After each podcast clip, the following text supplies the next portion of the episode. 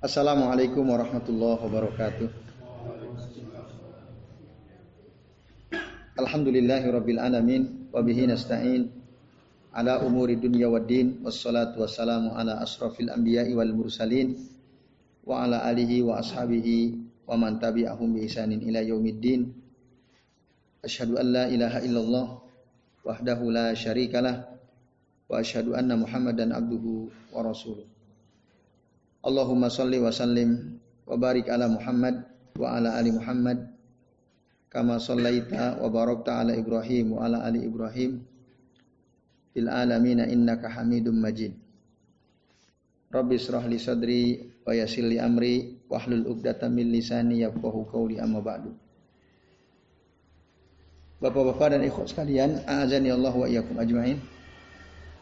Alhamdulillah pada kesempatan malam hari ini atas izin Allah kita bisa berjumpa kembali untuk melanjutkan ngaji kitab Tazkiyatun Nufus.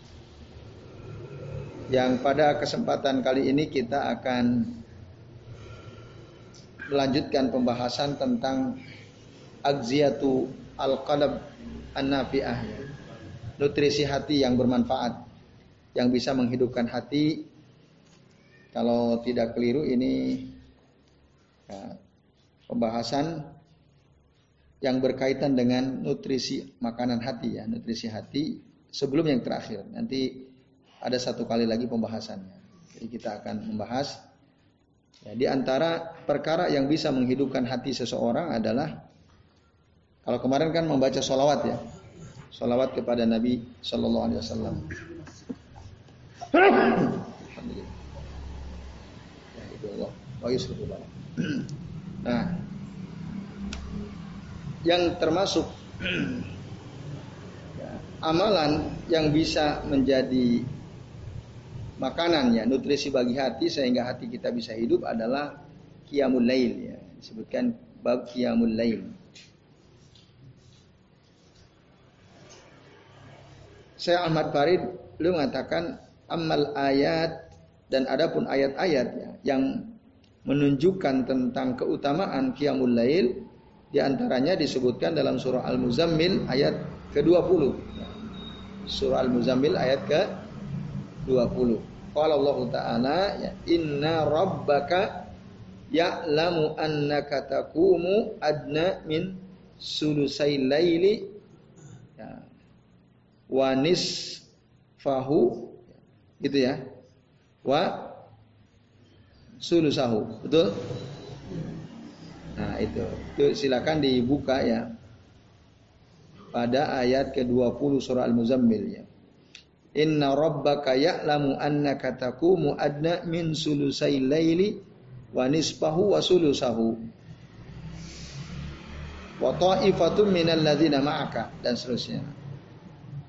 Yang artinya sesungguhnya Tuhanmu Allah Subhanahu wa taala mengetahui bahwasannya kamu engkau Muhammad ya, takum. Takum di sini maksudnya solat ya, solat lail.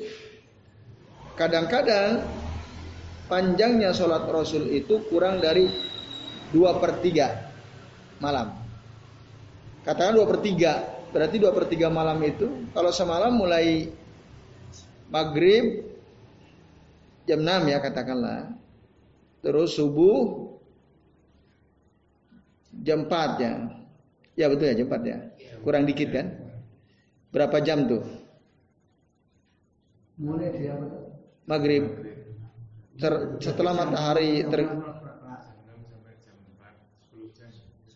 10 jam ya. Nah, 10 jam. Berarti kalau 2 per 3 nya berapa jam? Dari 10. 2 per 3 ya? Ya. Berarti tiga jam lebih kan? Dua per tiga dari sepuluh. Dua per tiga sepuluh berapa? Eh dua per tiga dari sepuluh berapa? Enam.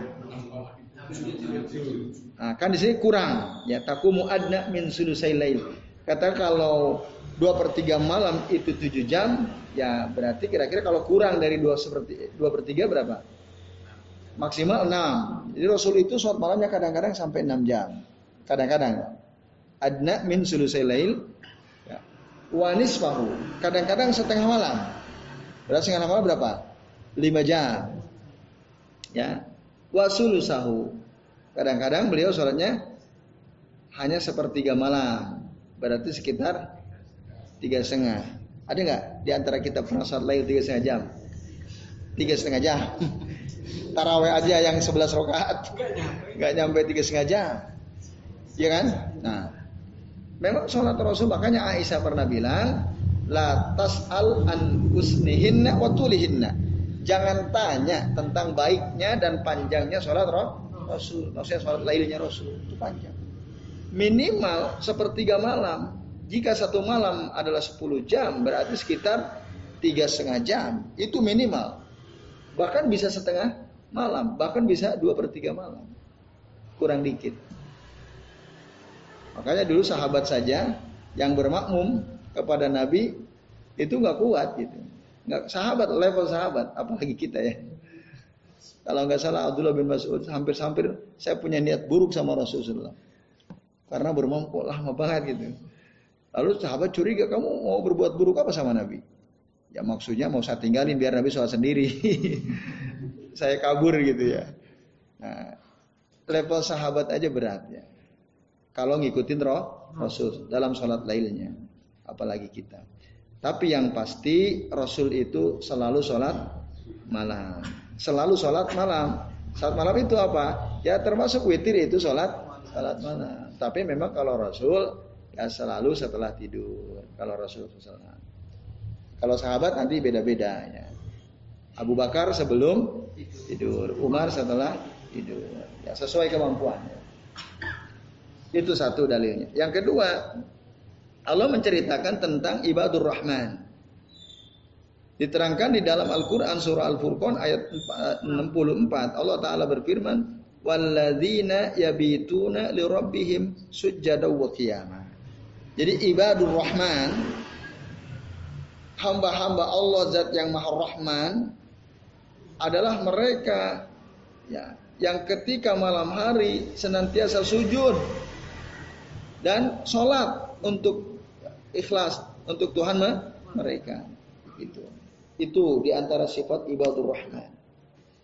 Nah, maka bapak-bapak dan ibu sekalian usahakan sholat lail kalau bisa setelah tidur jika enggak bisa sebelum tidur dijaga nah, masing-masing nah, sesuai kemampuan gitu. Karena ini selalu dilakukan oleh Rasul Shallallahu Alaihi Wasallam. Nah ini. Adapun dalam hadis disebutkan amal akhbar kauluhu Shallallahu Alaihi Wasallam Abdulus salati ba'dal maktubati qiyamul lail. Seutama-utama solat setelah solat fardu adalah qiyamul qiyamul lail. Salat malam. Salat malam itu apa? Witir itu salat malam juga. Rasul kadang salat witirnya sembilan rakaat tidak ada duduk kecuali di rakaat terakhir, di rakaat ke-9. Jadi sholat iftitah dulu dua rakaat, terus sholat witir sembilan rakaat. Berapa rakaat total? Sebelas. Sholat witirnya sembilan rakaat. Jadi sholat tahajud, sholat, sholat witir sama nggak? Ya sama. sama. Sholat witir, sholat tahajud itu sama.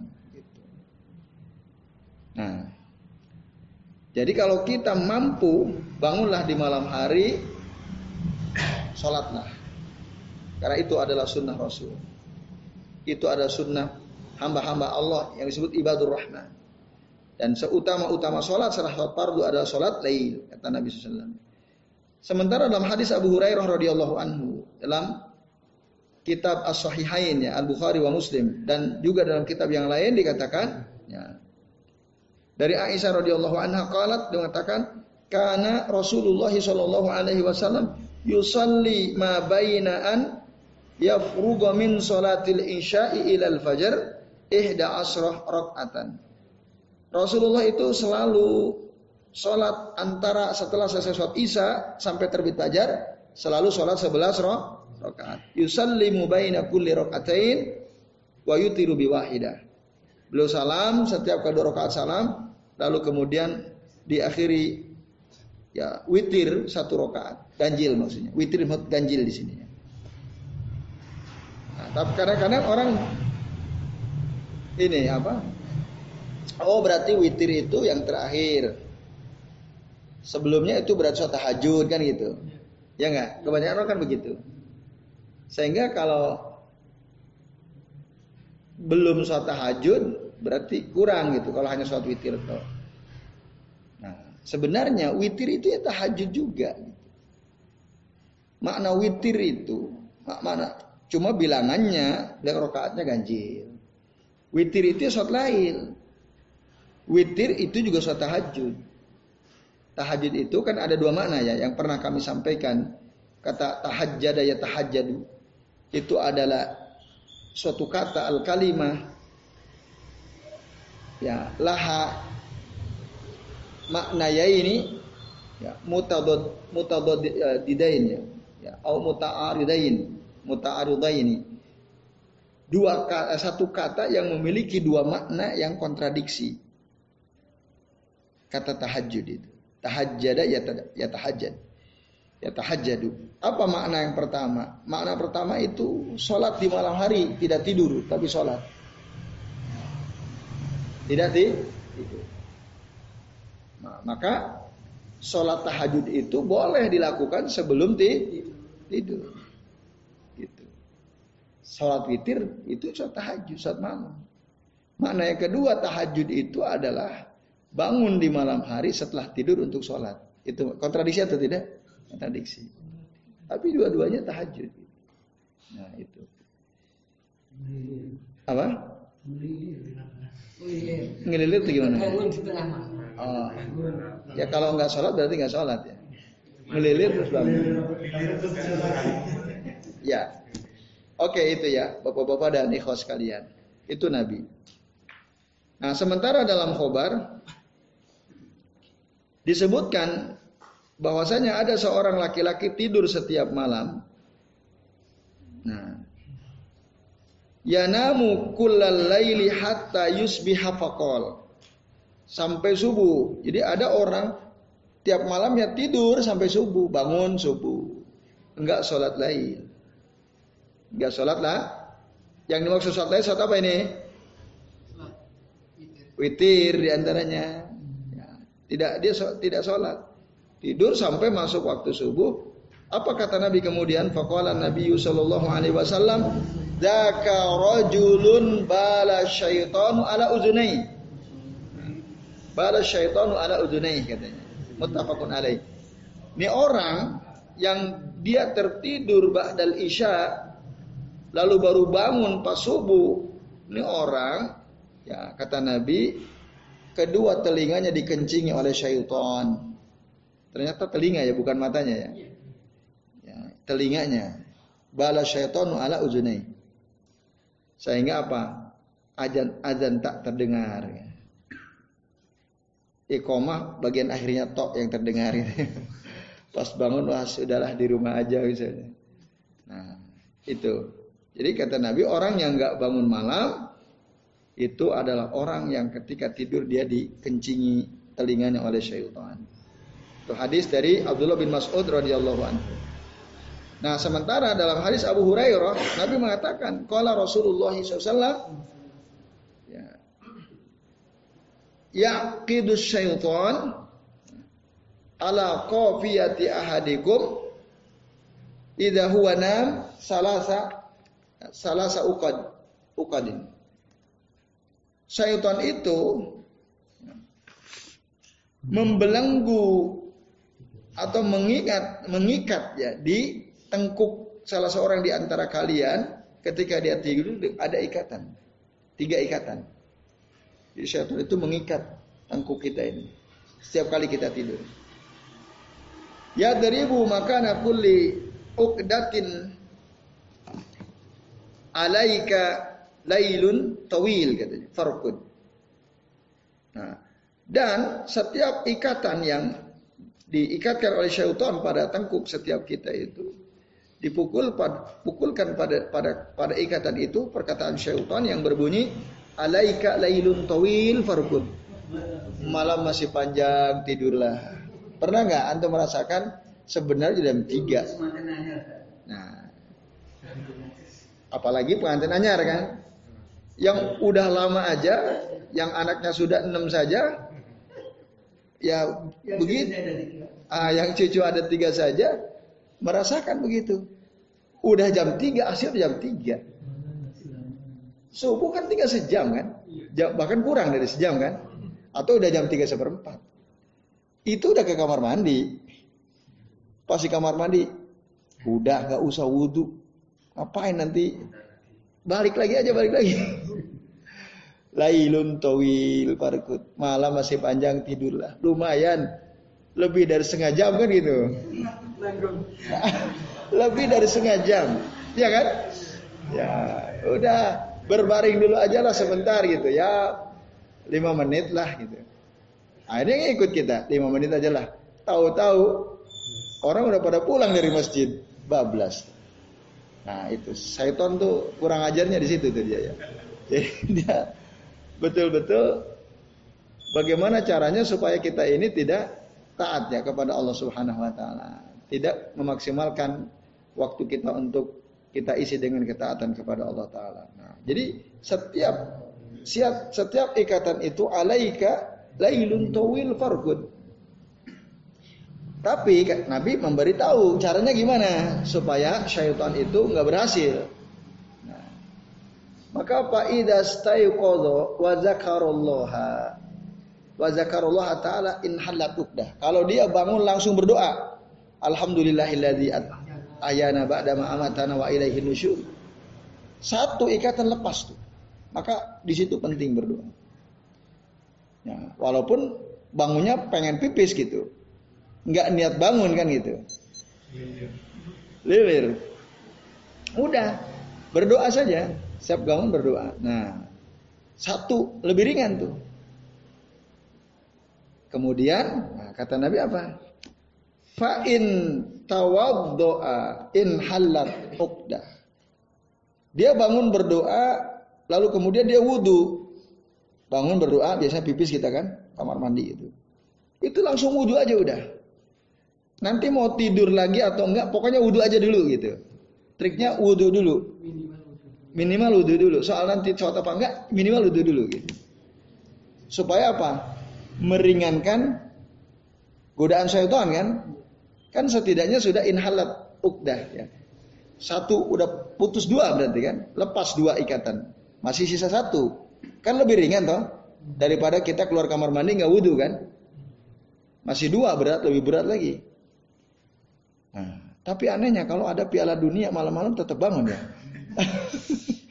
kalau mau nonton bola gitu ya. Terutama para penggemar bola gitu ya. Nah. Oh, oh biasa. Aduh, itu ya. Tapi kalau giliran sholat cuma dua rakaat, itu berat ya. Tapi ya, tadi maka ini saya lagi nasihati diri sendiri juga ya. Udah wudhu aja, wudhu. Soal nanti gimana wudhu dulu. Kalau sudah berhasil wudhu, ah udah paksa pakai sarung. Ya, sholat dua rakaat abis itu tidur lagi nggak apa-apa itu. Nah, tapi nanti kalau kita sholat, maka katanya apa? Fa in in halat ukdah. Kalau dia sholat lepas lagi tuh satu ikatan terakhir. Apa yang akan terjadi? Fa'asbaha nasyiton tayyibun nafas. Besoknya dia akan semangat hidupnya, hatinya jadi bersih. Memang betul, saya, saya merasakan itu. Kalau saya bangun, walaupun mungkin tidurnya malam, katakanlah jam 1, jam 2 gitu ya. Tapi kemudian jam 3 bangun sholat, besok paginya nggak loyo, semangat. Oh, betul itu, betul. Nanti Anda juga rasakan. Tapi kalau enggak, walaupun tidurnya jam 9, jam 10, bangun enggak sholat lain. Nanti males besoknya itu. Maka kata Nabi wa illa as asbaha khabisun nafas kaslana. Kalau dia enggak sholat, besok pagi dia bangun dalam keadaan apa? Jiwanya kotor dan males. Saya merasakan betul-betul itu, betul banget. Jadi kalau enggak bangun tuh Walaupun tidurnya gasik gitu ya. Tapi malas.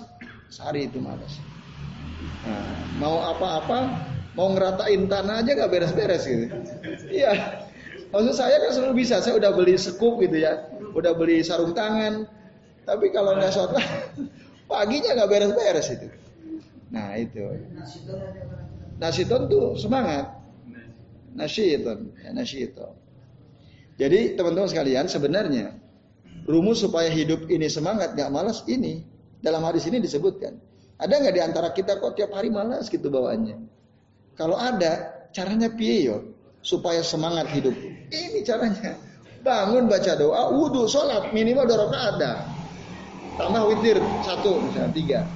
Oh udah beres. Semangat pasti semangat. Rasul bohong gak kira-kira? Rasul tidak mungkin boh bohong. Artinya pasti benar gitu. Pasti benar. Tapi memang tidak mudah gitu. Saya kadang-kadang mikir, pokoknya bangun langsung tak guyur semua badan, biar seger. Was, boro-boro guyur, ngangkat gayung aja udah lemes gitu. udah nggak bisa gitu. Ah, sudahlah, berbaring aja lagi gitu. Pernah nggak ngerasain begitu? Sering, iya. Kadang niatnya Allah saya mau merangkak ke kamar mandi gitu supaya bisa sholat lail gitu. Tapi ya Allah ketika bangun itu beratnya luar biasa. Nah, kenapa itu nanti dijelaskan di sini. Ya. Nah, jadi bapak-bapak dari host kalian, memang sholat lain itu berat, gitu. berat. Makanya disebut oleh Nabi khairun. Ya, dia itu lebih baik ba'dal maktubah ya. Setelah sholat wajib, ya sholat terbaik adalah sholat lah, lail. Ya, Abdul ya Abdul maaf. Abdulus sholat ba'dal maktubah. Ya, qiyamul qiyamul lail. Nah, sementara Abdullah bin Mas'ud mengatakan Ida hadaatil uyunu qama ketika mata sudah tertidur terlelap ya mata orang-orang sudah terlelap tidur beliau bangun. Abdullah bin Mas'ud bangun payas yus uh, payas ma'ulahu dawiyu ya yusma'u lahu dawiyun ka dawiyin nahl hatta yusbiha ya, hatta yusbiha Abdullah bin Mas'ud itu kalau beliau tidur ya, lalu semua mata sudah terlelap, beliau bangun. Kemudian beliau sholat. Ya. Membaca sampai suara bacaan beliau itu seperti dengungan dengungan suara lebah. Baca itu. Nah, sampai sampai subuh. Itu yang selalu dilakukan oleh Abdullah bin Mas'ud radhiyallahu anhu. Ini sahabat ya, radhiyallahu anhu. Sementara Hasan Al Basri beliau mengatakan, ya, seorang ulama tabi'in ya, ma balu al mutahajjidina ahsanan nasi wajha. Eh kenapa sih orang yang suka sholat tahajud itu wajahnya itu kok bagus gitu, bercahaya bersinar. Ya ada orang bertanya kepada siapa? Hasan al Al Basri, ulama tabi'in tinggal di Basrah. Pernah disusui oleh salah satu istri Nabi SAW. Beliau ditanya, kenapa orang yang suka sholat tahajud itu wajahnya itu bagus gitu? Apa jawabannya? Qal Allah ya Hasan Al Basri mengatakan li annahum khalau birrahman fa albasahum nuran min nurihi. Karena mereka ini ya khalau berkhalwat menyendiri di hadapan Allah zat yang Maha Rahman maka Allah pun akan ya memberikan kepada dia cahaya dari cahayanya. Jadi orang yang sholat lail itu akan bercahaya wajahnya, kata para ulama. Ya, mungkin kita bisa ini ya merasakan gitu kalau ada. Saya dulu punya teman waktu di pondok itu, yuk ya Rob. Luar biasa, sholat lailnya itu hampir setiap hari nggak putus, selalu sholat lail. Kalau ketemu wajahnya itu sejuk gitu, enak. Dia jaga betul itu, di andalannya sholat lain waktu di pondok tuh saya. Kan kamar sama dia itu. Setiap malam itu dia bangun ya. Nah jadi setiap kali ketemu itu sejuk melihatnya nah itu ya orang yang suka sholat tahajud wajahnya itu bersinar. Lalu kata Hasan al Basri inna rajula la yudnibu dzamba la yudnibu dzamba fa yahrumu bihi au yuhramu bihi qiyamul lail. Sesungguhnya seseorang itu kalau dia berbuat dosa, dia berbuat dosa pada hari itu. maka dia akan terhalang dari sholat malam. Berarti apa?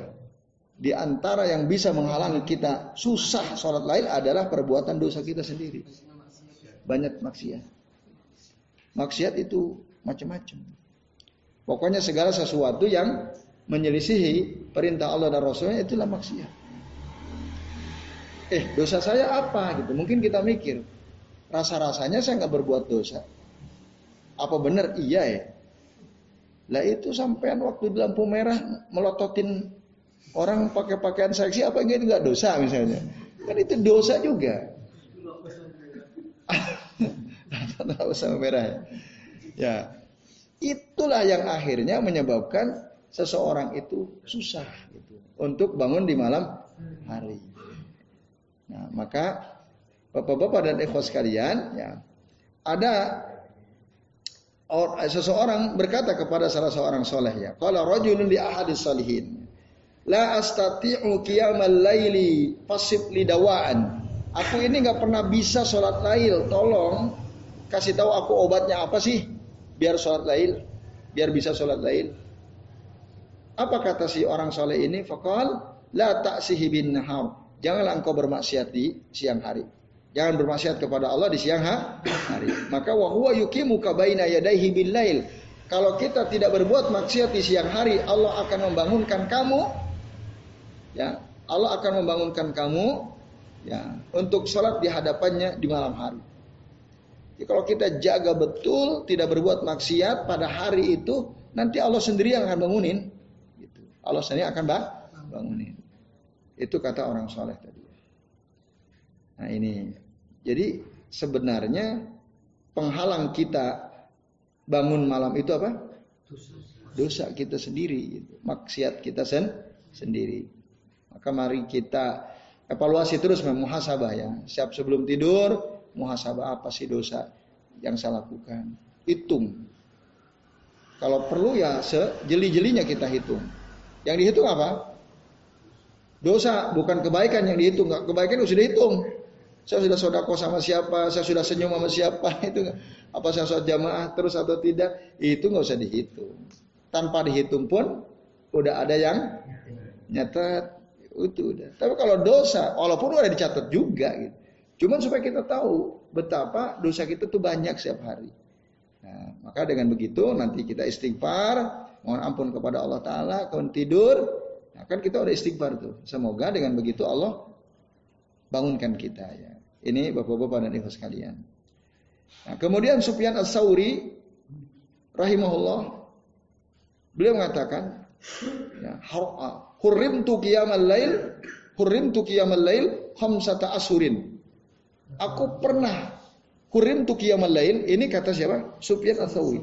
Aku pernah hurrim tu itu pernah terhalang qiyamul lail dari bangun malam maksudnya untuk saat malam. Selama berapa lama? hom satu ashurin. Lima bulan nggak pernah sholat malam. Siapa? Siapa? Ini toko besar ini. Toko besar. Pernah beliau itu nggak sholat malam berturut-turut sampai lima bulan. Lima bulan. Nah, kalau kita ada berapa tahun? ya, sebagian besar kita gitu ya. Ini lima bulan dia nggak sholat malam. Nah, apa sebab? bidzambin asabtuhu disebabkan karena dosa yang aku lakukan. Jadi beliau ingat oh ada satu dosa yang aku lakukan ternyata itulah penyebab kenapa beliau sampai lima bulan nggak bisa sholat lah. Itu berat. Kami pribadi itu berusaha gimana caranya? Ah udahlah sebelum tidur tak istiqomahin itu. Karena itu kemampuan saya ya, kemampuan yang bisa kami lakukan itu daripada nanti ah nanti aja ternyata nggak bangun kan itu. Nah, tapi kalau antum punya kemampuan bangun yang terbaik di malam hari setelah tidur. Nah, kemudian Ibnu Al Mubarak mengatakan, "Idza ma'al-lailu adlamu kabidu." Fayaspuru anhum wa hum huju. Apa? Jika malam mulai gelap, dipenuh gelap ya, Sementara mereka tertidur ya. Huju itu tertidur di malam hari. Atoro al khawfu naumahum. Rasa takut kepada Allah Ta'ala itu menerbangkan atau mengusir tidur mereka. Gitu ya. Jadi kalau ada orang soleh, ya, dia tidur, maka rasa takut dia itu yang akan ya, mengusir, menerbangkan tidurnya. Nah, saya ulangi ya. Idza ma'alailu azlama kabiduhu. Jadi ketika malam semakin gelap, pekat ya. Fayasfaru anhum wahum huju.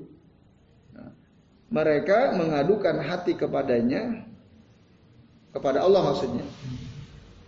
Nah, dan mereka masih bermimpi. Mereka yang kedua wahum huju ini ada dua kelompok itu. Ada orang yang ketika dia tidur malam semakin pekat, nah dia bangun mengeluhkan atau memohon kepada Allah Subhanahu wa taala. Mengeluhkan hatinya kepada Allah Subhanahu wa taala. Wahum huju, sementara mereka yang lain mereka yang lain masih ber, bermimpi. Gitu. Al khawfu naumahum. Kelompok pertama ya, rasa takut kepada Allah Taala itu menghilangkan atau mengusir tidur mereka. Jadi orang-orang yang sering sholat lail itu apa yang membuat mereka bangun di malam hari? Karena takut sama Allah. Atau naumahum atau al khaufa naumuhum. Faqalu nah faqamu ma atau al khaufu naumahum. Jadi orang yang takut betul kepada Allah Ta'ala Maka rasa takutnya Mengusir Ya, mengusir apa? Rasa ngantuk mereka, mengusir tidur mereka. Akhirnya mereka pun pakomu bangun untuk saat lail. Sementara wa ahlul amni fid dunya orang-orang yang merasa aman dari azab Allah di dunia ya hujuun mereka masih tetap bermimpi. Masih tetap tidur gitu. Jadi ada uh, Abdullah bin Mubarak dalam syairnya ini menceritakan dua kelompok orang. Ada orang yang ketika malam ya, dia bangun, gitu. Sementara ada lagi di antara orang-orang itu yang ketika malam terus mimpi, lelap dalam tidurnya. Yang bangun itu kok bisa bangun karena rasa takut mereka kepada Allah Taala, sehingga akhirnya mereka bisa bangun. Nah, pertanyaannya bapak-bapak dan sekalian, pernahkah kita pas bangun takut banget? takut dosa gitu, takut dari azab Allah Subhanahu wa taala. Pernah nggak? Nah, kalau kalau kita pernah, kemungkinan besar gampang tuh bangun tuh. Kalau kita pas bangun takut gitu ya. Maka emang benar juga kata Nabi, aksiru fi zikri hazimil ladzat. Perbanyaklah oleh kalian mengingat kematian. Ingat mati itu. Nah, itu sehingga kita merasa takut dari adab Allah Ta'ala. Nah, mudah-mudahan dengan begitu kita termotivasi, terdorong untuk bangun dan sholatlah. Nah, jangan sampai merasa aman. Aman, wah saya nggak mungkin mati, wong usia saya masih di bawah 40, gitu. Wong masih di bawah 60, masih segar lah saya. Nah, orang yang merasa begitu, dia kan kerasa aman kan gitu. Terus gimana? Ya us, teruskan tidurnya gitu. Nah, apalagi hujan kan, tambah mantap tidur kan. Nah, itu. Itu siapa? Orang-orang yang merasa aman dari azab Allah Subhanahu wa taala. Berarti ya kalau kita susah bangun, udah bangun tidur lagi. Termasuk berarti kita termasuk golongan orang yang merasa aman dari azab dari azab Allah. Nauzubillahi min dzalik. Itu ya.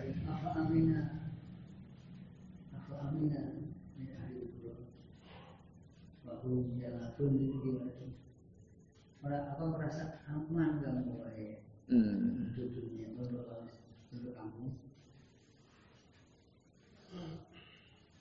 terus padahal kematian datang ketika kamu sedang bermain-main. Ah itu di antaranya atau dalam surah al-waqiah juga ada kan?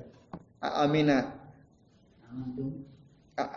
amintum man fis samai an yakhsifa bikumul ardu fa idha fa idha hiya tamur. Am amintum man fis samai an yursila alaikum hasiba. Al-Mulk ya, surah Al-Mulk. Nah, dalam surah Al-Mulk kan gitu. Apakah kamu merasa aman dari Allah yang ada di langit sana? Yang ya amintum man fis samai an yakhsifa bikumul ardu yang bisa saja menggoncangkan bumi. Dan bumi bergoncang gitu. Apakah atau kalian merasa aman dari Allah yang ada di langit? An yursila alaikum hasiba, mengirimkan kepada kalian hujan batu. Nah, itu dan seterusnya itu ya. Nah, itu artinya apa? Kita ini jangan pernah ngerasa aman gitu. Karena azab Allah akan datang tiba-tiba. Nah.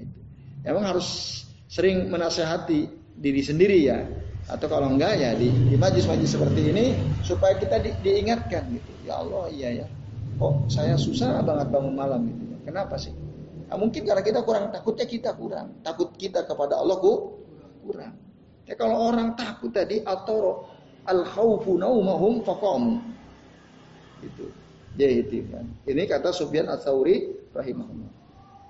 Nah, sementara Abu Sulaiman ya Beliau mengatakan ahlul laili fi lailihim aladdu min ahlil lahwi fi lahwihim. Nah, orang yang sering bangun malam, sholat malam di malam hari mereka, di malam mereka itu terasa ya, nikmat. Bahkan kenikmatannya bisa lebih nikmat daripada orang yang suka main-main dalam permainannya. Gitu. Aladzu min ahli lahwi fi lahwihim. Orang hobi main futsal. Hobi dia, senang. Itu kalau pas main futsal sama teman-temannya gembira nggak? Gembira banget kan? Senangnya bukan main. Antum ada hobi apa gitu ya? Mancing misalnya. Orang hobi mancing. Ketika ketemu komunitasnya, lalu yuk kita mancing di mana? Itu seneng nggak? Wah seneng banget. Saya kira kita masing-masing kan punya hobi ya. Coba gitu kan? Pas kita ketemu gitu ya teman-teman yang satu hobi sama hobi kita, itu seneng banget kan?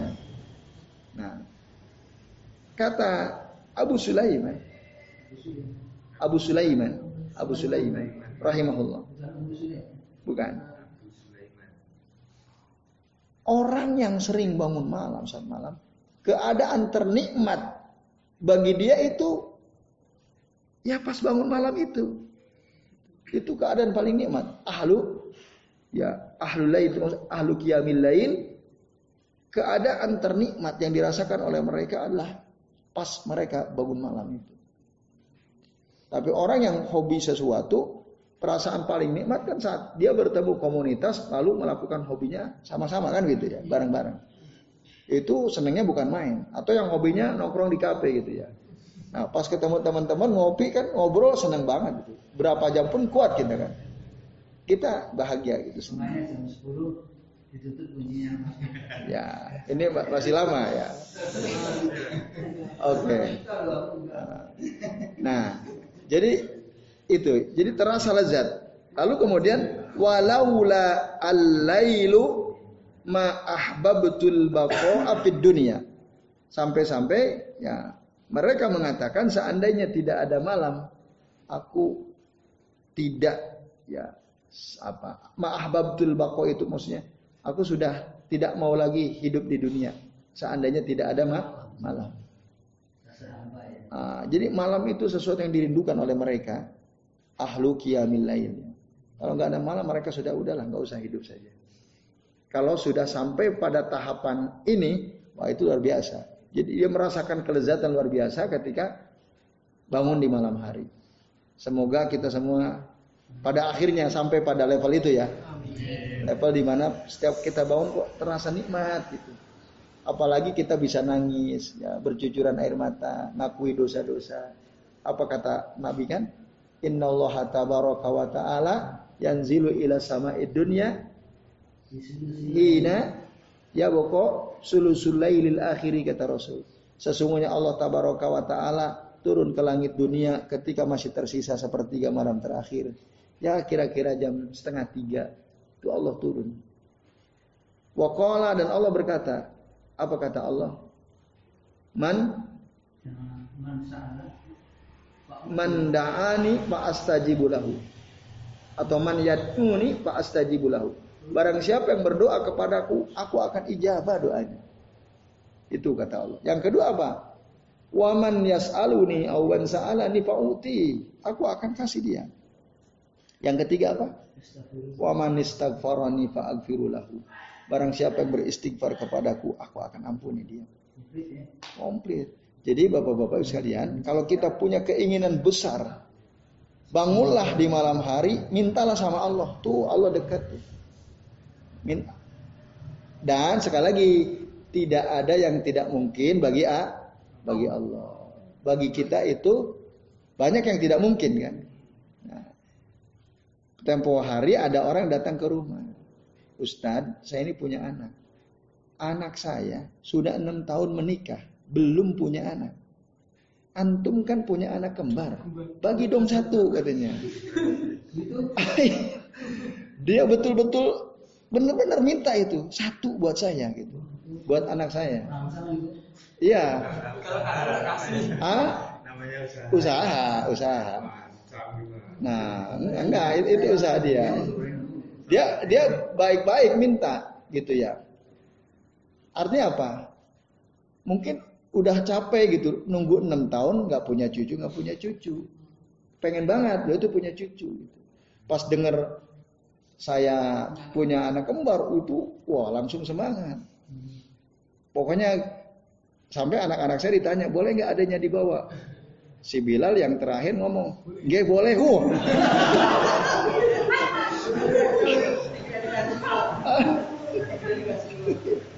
Iya, boleh gitu dia. Wah, tambah seneng beliau ya.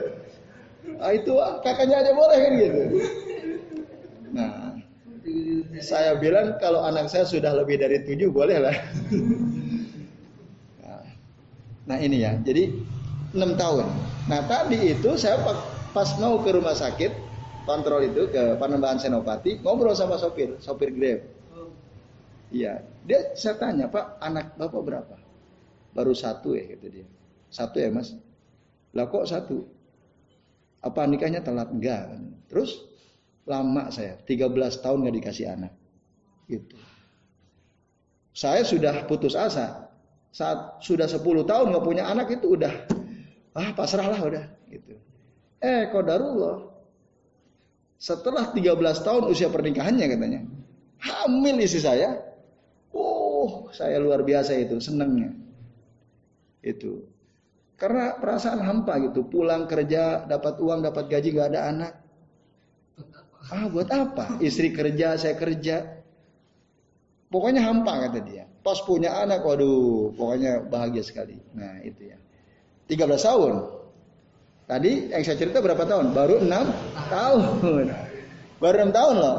Jadi jangan jangan putus asarnya. Jangan mengatakan tidak mungkin gitu. Masih sangat terbuka ya kesempatan untuk mohon sama Allah. Bahkan saya punya ustadz, guru saya, waktu saya di pondok itu, beliau udah usianya 60 tahun, belum punya anak. 60 tahun. Baru punya anak setelah usianya 60 tahun. Isinya udah di atas 50 itu. Anaknya kayak bule itu anaknya. Ganteng sekali itu ya. Nah itu. Coba bayangkan orang. Orang udah 60 tahun baru bisa punya anak. Setelah lama nunggu. Apa? Jadi tidak ada yang tidak mungkin. Nabi Ibrahim, Nabi Ibrahim, ya kan ceritanya. Sudah nggak mungkin lagi punya anak, tapi ternyata punya kan gitu. Nah, berapa coba? 80 tahun. Nah, coba bayangkan. Apa apa pelajaran yang kita bisa ambil dari cerita yang saya sampaikan ini? Tidak ada yang tidak mungkin bagi Allah gitu. Kalau manusia kan udah di atas 50 ah nggak mungkin kan gitu. Nggak ada. Bagi Allah nggak ada yang tidak mungkin. Semua mungkin. Asal apa? Tadi waktu-waktu terbaik untuk berdoa ambil tuh. Ya. Menurut orang tidak mungkin, semua bisa jadi mungkin. Asal kita tahu kan, kapan waktu kita meminta kepada Allah yang terbaik. Nah, berdasarkan pembahasan ini, di antaranya di malam hari sepertiga malam terakhir. Allah tegas mengatakan waman da'ani fa astajibu lahu waman sa'alani fa'utihi waman istaghfarani fa astaghfiru lahu. Nah, tinggal pertanyaan kita percaya enggak itu sama yang dikatakan Nabi? Percaya kan? Harus.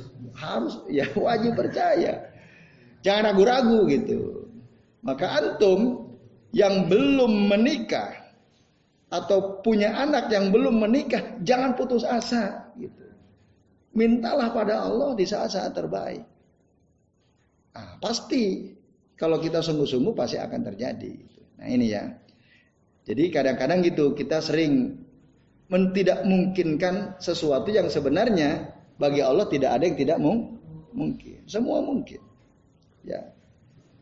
Minta apa saja bagi Allah semua mungkin. Yaitu yang terakhir qala Ibnu Al-Munkadir ma baqiya min ladzatid dunya illa salasun. Tidak ada yang tersisa dari kenikmatan dunia kecuali tiga perkara kan. Ini orang soleh yang ngomong ya. Kalau kita ditanya yang paling nikmat di dunia apa? Nanti lain, lain jawabannya ya. Nah. nah. Kalau orang soleh, kalau jajan apa? Mabak ya min ladati dunia illa. Tidak ada yang tersisa dari kelezatan dunia kecuali tiga. Apa itu? Qiyamul lail. Oh. Jadi qiyamul lail itu kelezatan bagi orang solehnya. Walikoul ikhwannya. Nah, ketemu teman-teman kayak gini nih satu kenikmatan. Orang-orang soleh itu kalau ketemu teman begini, apalagi di majlis yang baik gitu ya. Wah, menyenangkan itu. Ya, menyenangkan. Dan yang terakhir wasolatul jamaah. Salat berjamaah. Itulah kenikmatan bagi orang-orang soleh. Salat jamaah, ketemu teman-teman di majelis ilmu, lalu kemudian salat lail. Nah, baik, sementara ini dulu ya, Bapak-bapak dari sekalian. Nah, mudah-mudahan kita ya oleh Allah dijadikan hamba-hamba yang ya gampang ya, digampangkan bisa sholat lah lail. Ya mari kita sama-sama ya berharaplah berdoa ya Allah. Nah nanti pas bisa bangun, mintanya sama Allah salah satunya ya Allah jadikanlah saya ahlu qiyamul lail kan gitu. Iya kan? Iya. Salah satu permintaan penting itu supaya kita boleh. boleh. Kalau nggak bisa bahasa Arab, ya Allah. Nah, atau kalau mau tanya panas ya. Jadi ya Allah. Nah, Jadikanlah hamba sebagai ahlu qiyamil lail. Allahumma ij'alni min ahli qiyamil min qiyamil lail. Kalau di bahasa Arab kan. Allahumma ij'alni min ahli qiyamil lail. Nah itu. Nah, itu yang sering kali kita lupa gitu ya. Pengen ketika dapat lupa supaya kita dijadikan min ahli qiyamil qiyamil lail. Ya, nah, ya ini saya menasihati diri sendiri juga ya Semoga betul-betul bisa istiqomah ya. Ya mulai dan bisa merasakan kelezatan bangun di malam hari untuk sholat di hadapan Allah Subhanahu wa taala. Ya saya kira ini Bapak-bapak dan Ibu sekalian yang kita bisa bahas ya ini jam setengah sepuluh. Sebelum diakhiri apakah ada yang mau ditanyakan?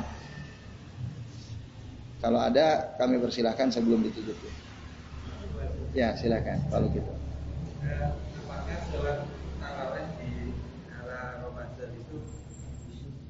termasuk katakan sholat lain yang dimajukan. Ya. Dan kenapa disebut tarawih? Dengan dilakukan umumnya kalau di kita itu berjamaah dan dilakukan sebelum tidur. Apakah bisa dikatakan di hari-hari di luar Ramadan itu boleh juga? Ah gitu. Apa khusus di bulan Ramadan? Ya. Baik, terima kasih Pak Lukito. Ya, pada umumnya di masyarakat pas Ramadan sholat taraweh dilakukan saat sholat isya ya berjamaah. Nah, yang itu disebut sholat taraweh. Tapi sebenarnya itu sholat lain juga gitu. Itu sholat lain juga. Makanya kan Aisyah waktu ditanya bagaimana ya kiam lailnya Rasulullah fi Ramadan fi ghairi Ramadan kan itu. Bagaimana sholat malamnya Rasul di Ramadan dan di luar Ramadan. Lalu Aisyah mengatakan, la, la yazidu ala ihda asrah rakaatan imma fi Ramadan wa imma fi ghairi Ramadan. Rasul nggak pernah lebih ya saat malam itu dari 13 roh rakaat, baik di dalam Ramadan maupun di luar Ramadan. Nah, itu kata Aisyah radhiyallahu anha. Jadi sebenarnya sholat taraweh yang kita lakukan di bulan Ramadan itu sholat lail juga. Nah, kenapa disebut sholat taraweh? Tarawih itu dari kata roha, ya ruh, istaroha yastarih ya. Tarawih, istirahat. Istirahat. Maksudnya gimana? Sholat yang banyak istirahatnya gitu. Banyak jedanya. Nah maka tadi Aisyah mengatakan latas al an husnihinna wa tulihinna summa summa yusalli arba'in. Latas al an husnihinna wa tulihinna. Rasul sholat empat rakaat jangan tanya tentang apa panjang dan lamanya sholat Nabi SAW. Nah, jadi panjang. Nah empat rakaat itu maksudnya dua salam istirahat, dua salam langsung dua salam, udah empat istirahat lama. Sampai kalau kita baca ya penjelasan para ulama, para sahabat itu tiduran, ada yang tiduran bercengkrama di luar, itu karena istirahat lama. Nanti kalau udah secukup, lanjut lagi empat rakaat. Itu. Nah itulah sebab kenapa disebut sholatut tarawih. Nah itu. Karena umumnya itu dilakukan oleh banyak orang. Nah, lalu itu pertama jawaban pertama. Kenapa disebut tarawih ya? Nah. Lalu di luar Ramadan gitu ya, di luar Ramadan boleh boleh tidak kita sholat lail sebelum sebelum tidur ya? Sebelum tidur. Boleh. Kami dulu pernah mencoba setelah Ramadan selesai mencoba selalu menjaga sholat 11 rakaat pada Isya. Kajian masih libur waktu itu. Bisa dilakukan. Alhamdulillah bisa itu. Pas sudah kajian udah nggak bisa lagi itu. Nah, jadi selama libur itu saya coba eh, coba deh di luar Ramadan mau sholat istiqomah habis Isya sholat ba'diyah pulang ke rumah di rumah sholat lagi 11 rakaat. Bisa alhamdulillah. Bisa dijaga. Kalau kita tidak mampu di malam hari. Bisa kita bahkan di luar Ramadan bisa kita lakukan sebelum tidur ya, sebelum tidur. Yaitu. Nah, maka Abu Bakar As-Siddiq itu beliau sholat witirnya, sholatnya itu sebelum tidur. Sama Abu Hurairah, juga Abu Darda, juga siapa? Abu Zar Al-Ghifari ya radhiyallahu anhu. Itu kalau kita. Jadi boleh ya, sholat kalau antum khawatir nggak bisa bangun, sholat. Kan ada orang Oh saat tahajud itu nggak nggak benar kalau dilakukan sebelum tidur. Ya saat tahajud itu habis tidur dong. Ada yang mengatakan begitu? Enggak sebenarnya. Tidak. Kalau gitu nggak mungkin Rasul berpesan kepada Abu Hurairah. Jangan kau tinggalkan tiga perkara. Kan salah satunya wa antusalliya sholat al witri qabla antanam. Sholat kamu sholat witir sebelum tidur. Witir itu sholat lain. Kepada tiga sahabat Nabi, kepada Abu Zar al Ghifari, kepada siapa tadi? Abu Darda radhiyallahu anhu ajmain. Ya. Ya gitu Pak kita. Wallahu a'lam bishawab. di sini artinya cepat-cepatan Nah, tidak sesuai tidak sesuai dengan istilahnya ya. Iya. Nah, yang lebih kacau 23 ngebut gitu ya. Nah, 7 menit. Itu itu namanya bukan sholat taraweh lagi tuh. Panas AC. Ah, itu. Allah a'lam. Baik, Bapak-bapak dan yang sekalian, cukup dulu ya. Udah jelas kan semua?